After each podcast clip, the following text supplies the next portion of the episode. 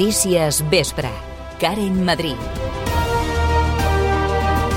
La síndica de Greuges de Catalunya reclama solucions per les famílies del bloc ocupat Guillem Agulló, sense llum des de fa ja 43 dies. Júlia Ramon, bona tarda. Bona tarda, Karen. La Sindicatura Catalana, en col·laboració amb la Sabadellenca, ha obert una actuació d'ofici on demana a l'Ajuntament i Endesa que doti de comptadors socials l'immoble on viuen 150 persones.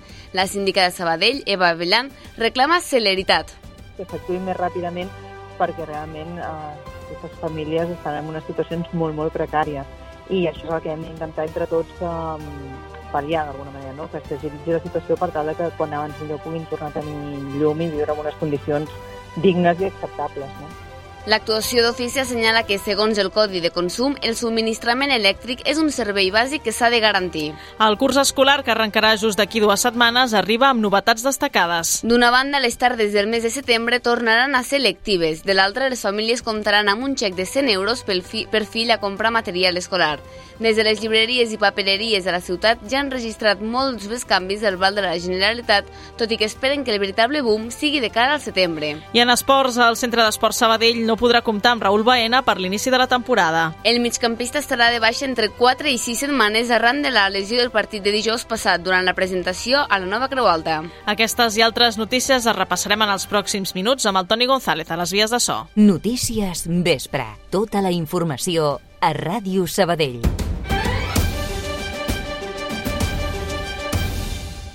Els serveis. La situació es manté tranquil·la a la xarxa viària catalana. A aquesta hora no hi ha incidències tampoc a les vies més properes a Sabadell, ni d'entrada ni de sortida de Barcelona.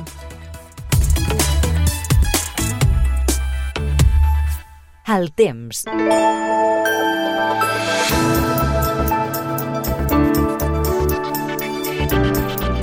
Ara mateix tenim 34 graus a Sabadell, un grau més que ahir a aquesta hora. Què hem d'esperar de cara a les pròximes hores? Baixaran les temperatures? Li preguntem a l'Ariadna Coromines. Bona tarda. Bona tarda, ambient plenament estiuenc, marcat per la forta calorada que ha deixat registres fins als 42 i 43 graus a la Ribera d'Ebre, al Baix Ebre, també al Pla de Bages, especialment al municipi d'Artés, o entre la Selva i el Gironès. Molta calor arran de costa, de fet, destaquen clarament els municipis de Roses i l'Ametlla de Mar amb els seus registres de 36 i 37 graus. Calorada que ha arribat avui al seu punt màxim i que contrasta amb aquells termòmetres que ràpidament han patit una davallada amb el pas dels ruixats i les tempestes que han descarregat i, de fet, ho continuen fent amb ganes Ara mateix entre el Solsonès, el Berguedà, també ha tocat el Principat d'Andorra, l'Alt Urgell i el nord del Pallars Sobirà. Han deixat 4 litres a Vic, també a Cardona o els 3 litres de Santa Coloma de Caraldi, ressaltant els gairebé 17 litres recollits només a mitja hora amb el niu a la Cerdanya. En vista aquesta propera nit, tornarà a ser tan o més pesada que l'anterior, però l'espera que demà la calor afluixi un parell de graus, malgrat tot, seguirà sent extrema, però amb menys estacions que arribaran als 40 graus. Us seguirem informant. El cas del bloc Guillem Agulló, que està sense llum des del 12 de juliol, ha arribat fins la Sindicatura de Greuges de Catalunya.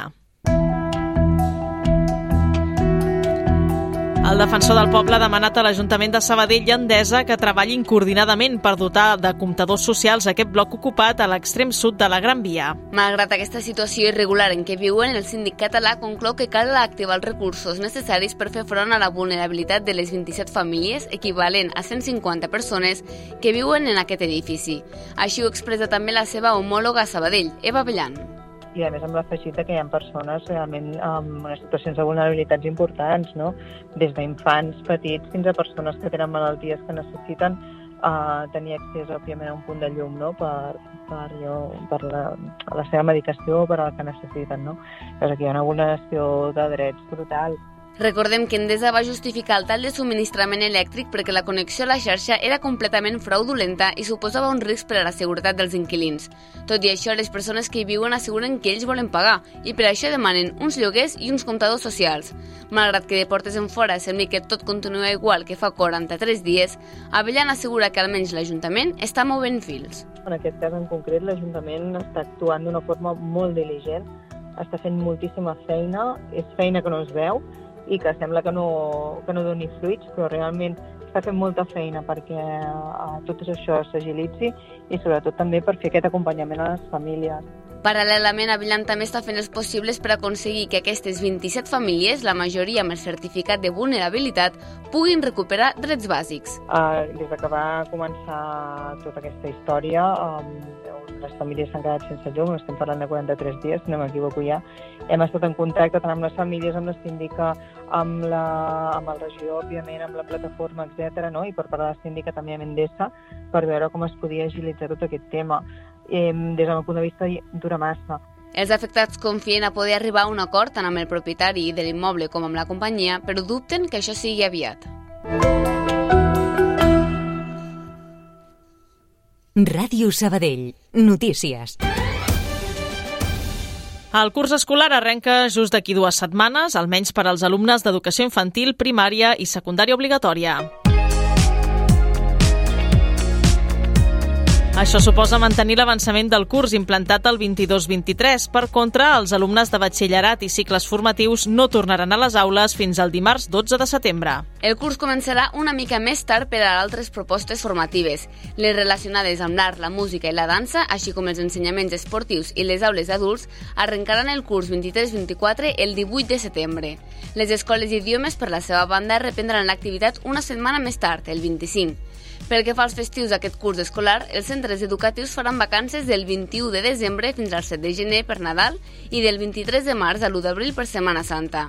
A les vacances s'hi sumen 6 dies festius, l'11 de setembre, el 12 d'octubre, l'1 de novembre, el 6 i el 8 de desembre i l'1 de maig. A més, també hi ha els dies de lliure disposició que el Departament d'Educació ha fixat pel 13 d'octubre, el 7 de desembre, el 12 de febrer i el 7 de maig. Les classes acabaran el 21 de juny a totes les etapes formatives menys a la infantil, on s'allargaran fins l'últim dia laborable del mes de juny. El curs 23-24 arriba amb dues novetats destacades respecte a l'anterior. La primera és que les tardes del mes de setembre tornaran a ser lectives després de la polèmica mesura del curs anterior de canviar les classes per activitats extraescolars. D'altra banda, les famílies comptaran amb un xec de 100 euros per infant per gastar en material escolar. Ja en les últimes setmanes, moltes famílies sabadellenques s'han apropat a les llibreries per bescanviar un dels dos vals de 50 euros per fill en material escolar. Així ho expressaven aquesta emissora Mario Preto, responsable de la llibreria Paes, Sílvia Figuerola, de la papereria Figuerola, i Oriol Vives, de Bureu Valler ha vingut molta gent. Nosaltres tenim aquí una llibreria i al costat tenim la papereria i molta gent ve a, buscar, a gastar o el val sencer del nen dels 100 euros, que són dos vals de 50, o un val de 50 euros aquí i un val de 50 euros a la papereria. Sí, bastanta gent ha vingut ja. Sí, ha anat, està funcionant i la gent està molt content, sí, n'hem canviat molts ja. Bueno, aquí en aquest cas, amb la nostra botiga només tenim material escolar, no tenim llibres i el que compren és, és el que ha a l'escola, sobretot, les llibretes, els bolígrafs, i després per arribar a la xifra del val escolar, doncs a, a vegades s'aprofiten per, per canviar-se l'estuig o fins i tot es venen més motxilles aquest any. La gent aprofita per canviar la motxilla. Malgrat que ja moltes famílies han bescanviat el xec escolar, els responsables de les llibreries i papereries esperen que el veritable boom arribi a partir de setembre. El val aportat per la Generalitat es podrà bescanviar fins el 30 de novembre. I de cara a aquest inici de curs, l'Ajuntament de Sabadell vol deixar enllestida la millora de la seguretat de 19 centres educatius. Per això s'ha invertit més d'un milió d'euros de pressupost en obres. També s'hi intervé en la senyalització de totes les escoles, com explicava l'alcaldessa Marta Ferrés a part doncs, d'aquestes 20 escoles que s'actuarà doncs, pacificant aquests entorns escolars, l'altre element que farem és de totes les escoles de la ciutat, pintarem tots els passos de vianants i senyalitzarem que és zona escolar amb, amb senyalització horitzontal en pintura. Per tant, també serà una, una gran millora de dignificació d'aquests entorns escolars, que realment tenim passos de vianants en molt mal estat i per tant també a poc a poc anem intentant doncs, també recuperar i comencem pel que ens sembla més important, que és evidentment aquests entorns escolars. S'hi posen colors llampants i la paraula escola per aconseguir que els vehicles redueixin la velocitat i circulin amb precaució. S'hi han destinat més de 70.000 euros. També s'amplien voreres, passos de vianants i senyals a 16 centres amb, amb 470.000 euros, entre els quals es compten les escoles bressol municipals Vapor Buixer de Nou i Arraona, els col·legis Servator, Bertran i Jaume Viladoms i les escoles Estel, Joan Arnot, Elisanda, Miquel Martí Pol, Can Llong, Gaudí, Mas Boadella, Virolet, Xaloc, Ramarú, Vedruna Immaculada i Can Rull. En aquesta darrera és on es van presentar les mesures pacificar tot aquest entorn escolar. Era una demanda no, llargament reivindicada doncs, per, per l'AFA i per, i per el propi col·legi no, i per tant pel propi equip directiu i per tant doncs, poder pacificar tots aquests entorns. Buscar entorns escolars més segurs, posant esquesa, esquenes d'ades, és a dir, badents perquè els cotxes um, aminorin la velocitat, guanyant passos de vianants millor senyalitzats, guanyant doncs, amb, amb senyalitzacions, uh, guanyant doncs, en aquells casos on també sigui possible um, ampliant uh, les voreres, per tant una mica amb tota aquesta línia doncs, guanyant aquests entorns. A banda, s'invertiran 451.000 euros per millorar els entorns escolars de l'escola Sant Muntada, Joaquim Blum i Sant Julià. A partir de les actuacions que es faran a la resta d'escoles, en aquests casos la transformació urbana serà més notable, amb espais d'estada i verds, nou mobiliari urbà i zones de joc, amb l'objectiu d'invertir a tots els punts de la ciutat que la idea també, com sempre portem fent i per tant, um, que diem sempre com a govern, és actuar tot arreu, no tenir una ciutat a diferents velocitats i per tant, doncs, tots aquests punts i millores de seguretat doncs, els hem anat distribuint, com veieu, també per tot, per tot el mapa de Sabadell. Les actuacions van començar després de Sant Joan el 26 de juny. Torna a escoltar aquest informatiu a radiosabadell.fm. Una parella ha entomat el repte de recórrer les Amèriques en bicicleta. El 13 d'octubre van aterrar a Califòrnia i ara, 10 mesos després, són a l'Equador. Però encara els queda una llarga aventura per davant. El seu objectiu és arribar a Ushuaia, Argentina, al març, és a dir, d'aquí a uns 6 mesos. La sabadellenca Meritxell Prados ha explicat per on seguiran. Nosaltres personalment som més de muntanya que de platja, llavors vam acabar una mica saturats de, bueno, això de tanta calor, de platja, de teníem ganes de tornar a agafar les muntanyes a Colòmbia i ara a Equador i, i el nostre viatge seguirà per les muntanyes.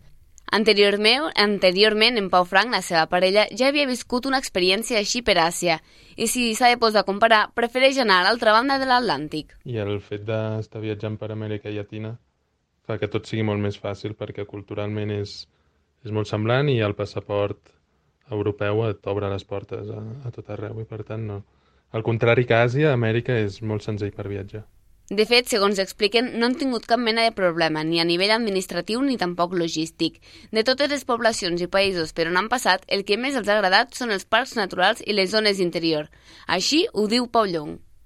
De moment és al principi Estats Units, perquè vam anar cap a l'interior a, a conèixer els parcs nacionals, i després Colòmbia i Equador.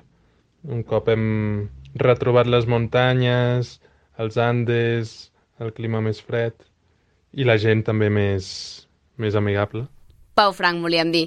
Per poder viure aquesta experiència, Prados i Frank han estalviat durant 3 anys, tot i que diuen que tampoc és que estiguin gastant molt perquè es mouen en bicicleta i s'allotgen en cases de família d'acollida, estacions de bombers, seus de Creu Roja o bé acampen on poden.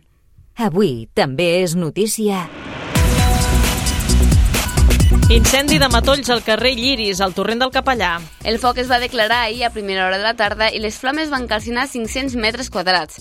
i van intervenir 5 dotacions dels bombers i una unitat de la policia municipal. Els autobusos de l'Atus recuperen l'horari d'hivern a partir de dissabte. Totes les línies recuperen l'horari habitual tret de la L14 i la L80. De la mateixa manera, a partir de l'1 de setembre acaba el servei d'estiu de les línies L15 i F15. I la Policia Municipal de Terrassa i els bombers han rescatat un gos tancat durant 3 dies al balcó d'un pis del municipi. Els agents l'han baixat, baixat alertats pels veïns i després que una patrulla comprovés que l'animal estava tancat al balcó d'un tercer pis sense aigua ni menjar i a temperatures de 37 graus. El gos presentava símptomes de desnutrició i deshidratació.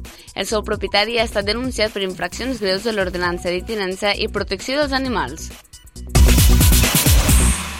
Aquesta festa major hi haurà una àmplia oferta d'activitats familiars.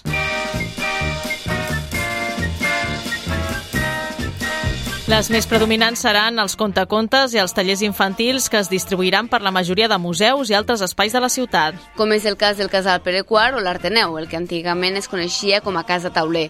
Totes les sessions seran gratuïtes, no s'ha de fer reserva prèvia i, per tant, s'hi podrà anar fins que l'aforament estigui ple. La sabadellenca Susana Nabó portarà aquí mateix la Lluna Juganera, dilluns al migdia serà una seqüència de contes que incorporaran diferent, diferents dinamismes, com cançons, per exemple, però tots centrats en la lluna. La Contacontes explica el perquè d'aquest afany. La lluna a mi m'agrada especialment i sempre m'ha influït i suposo que, que ha arribat un moment en què també he volgut ser protagonista dels meus contes. I perquè sempre dins d'una sessió per mi és important que hi hagi com un nexe d'unió entre tots els contes, que que encara que siguin molt diferents i, i puguis i puguis despertar emocions diferents, però que tinguin sempre un nexe d'unió. En canvi, Roger Fité, una altra autora, no té tan clar el fil conductor de la seva sessió, que durarà uns 45 minuts. Tinc dos contes claríssims eh, per explicar, perquè són els que potser més resulten, i llavors doncs, tinc uns quants més de preparats que dependrà de, de, dels nens i nenes que vinguin. Si són més aviat tirant a petits, doncs anirem cap a una banda, i si són més grans, doncs anirem cap a una altra, no? El que sí que està clar i garantit és que són contes que ens faran eh, cantar, eh, ens faran jugar, ens faran endevinar, Paral·lelament també hi haurà tallers infantils i familiars. En aquest cas n'hi haurà cinc i es dividirà majoritàriament entre el Museu d'Art i el d'Història. Només n'hi haurà un que es farà al safareig de la Font Nova i serà dilluns d'11 a 12 del matí. Per tot plegat, l'alcaldessa Marta Ferrés va destacar el dia de la presentació del programa de Festa Major que les activitats familiars eren un eix important. Un segon element important, totes les activitats infantils, que aquest any doncs, tornaran a Frederic Montpou, també amb un munt d'activitats, perquè també és una part molt important de la Festa Major, doncs tota la part d'activitats infantils. A banda d'això, també hi haurà animacions a diferents punts de la ciutat. Que és la festa del nostre Sant Patró.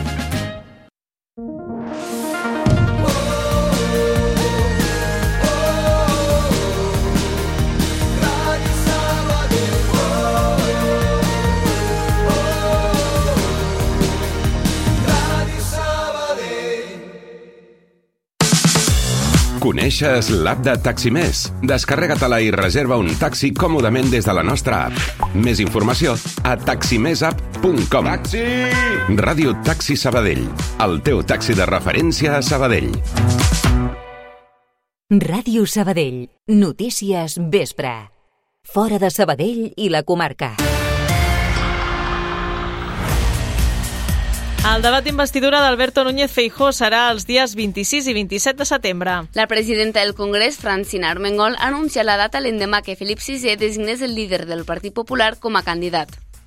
Considero que con esta fecha se da un tiempo más que prudencial para que el candidato pueda realizar las negociaciones oportunas con los representantes de las diferentes formaciones políticas. Teniendo en cuenta que la media del tiempo transcurrido en las pasadas legislaturas fue de aproximadamente un mes, la convocatoria prevista para este 26 de septiembre supone que se hayan transcurrido 35 días desde que Su Majestad el Rey le propuso hasta el debate. Feijó necessita majoria absoluta en la primera votació, que serà el mateix 27 de setembre. A la segona, 48 hores després, només li caldria majoria simple.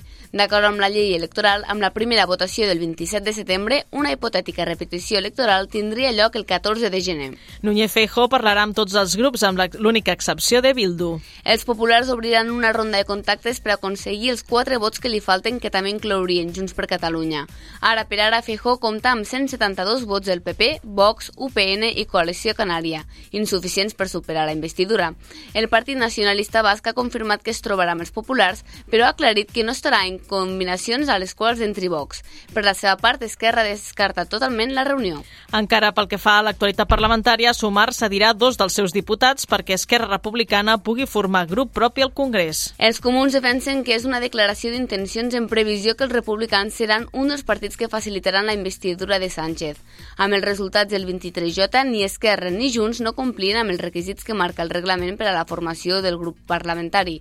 El termini per registrar els grups finalitza aquest divendres. I en successos, una nena de 8 anys ha mort en l'incendi d'un bungalou en un càmping de Montblanc, a la Conca de Barberà. El foc que s'ha declarat a la matinada ha calcinat tot el bungalou i n'ha afectat un segon. Quan han arribat els bombers, els ocupants del complex s'havien autoevacuat. La víctima, però, havia quedat atrapada dins de la caseta. L'alcalde de Montblanc, Oriol Pallisó, ha explicat que la víctima era de vacances amb la seva germana i el seu pare, d'origen francès cada estiu a Montblanc hi hagi moltíssima, moltíssima gent francesa que s'allotja en aquest càmping, per tant és un volum molt alt el que tenen de francesos en aquest càmping i en aquest cas doncs, era una família francesa que s'allotjava i passava uns dies a, a Montblanc. Els Mossos d'Esquadra han obert una investigació per esclarir les causes que han provocat el foc. Esports.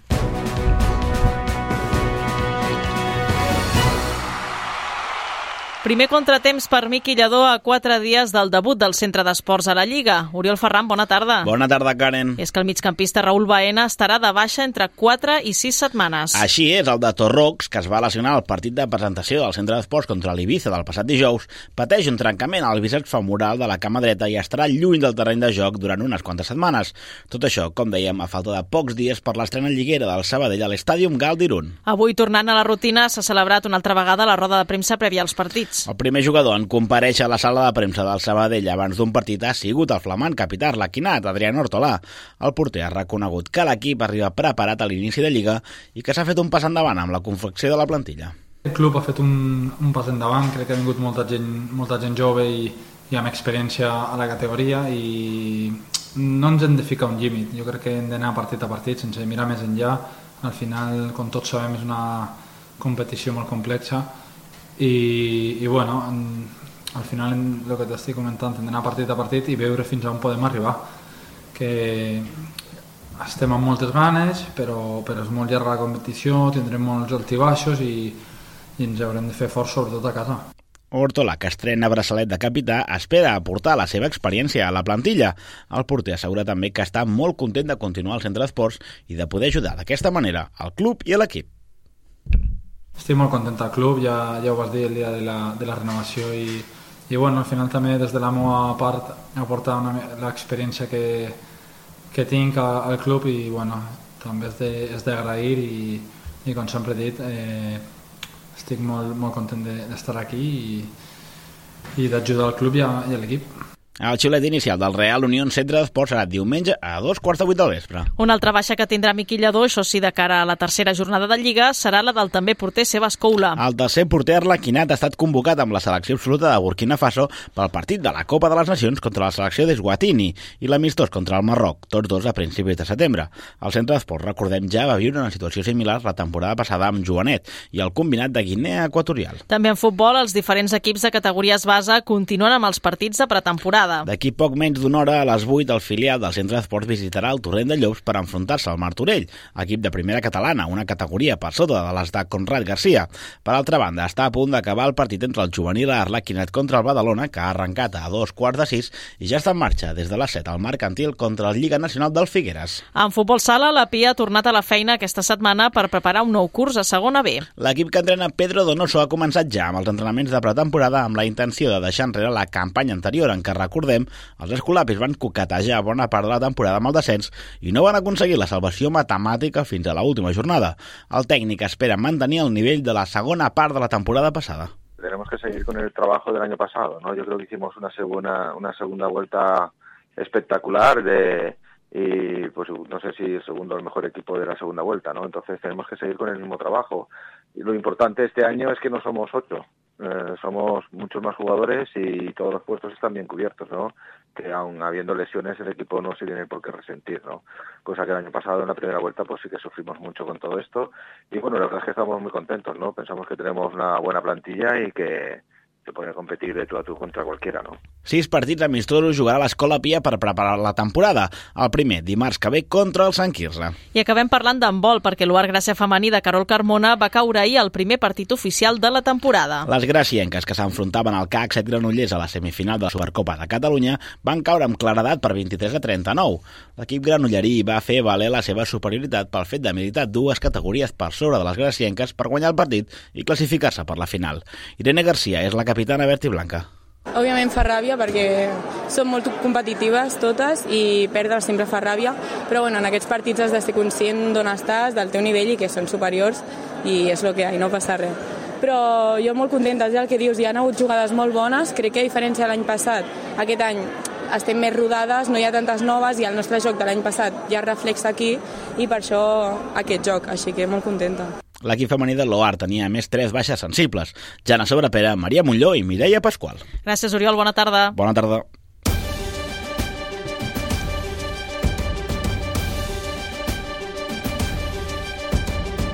Sis minuts per dos quarts de vuit. Tanquem el Notícies Vespre d'aquest dimecres 23 d'agost. Recordant-vos que tot el que us hem explicat ho podeu trobar a radiosabadell.fm. Tornem amb més notícies a la 94.6 demà a partir de les 10 amb els butlletins horaris. Que acabeu de passar un bon dia. Adéu-siau. Allà on siguis, escolta'ns online. en directe.radiosabadell.fm.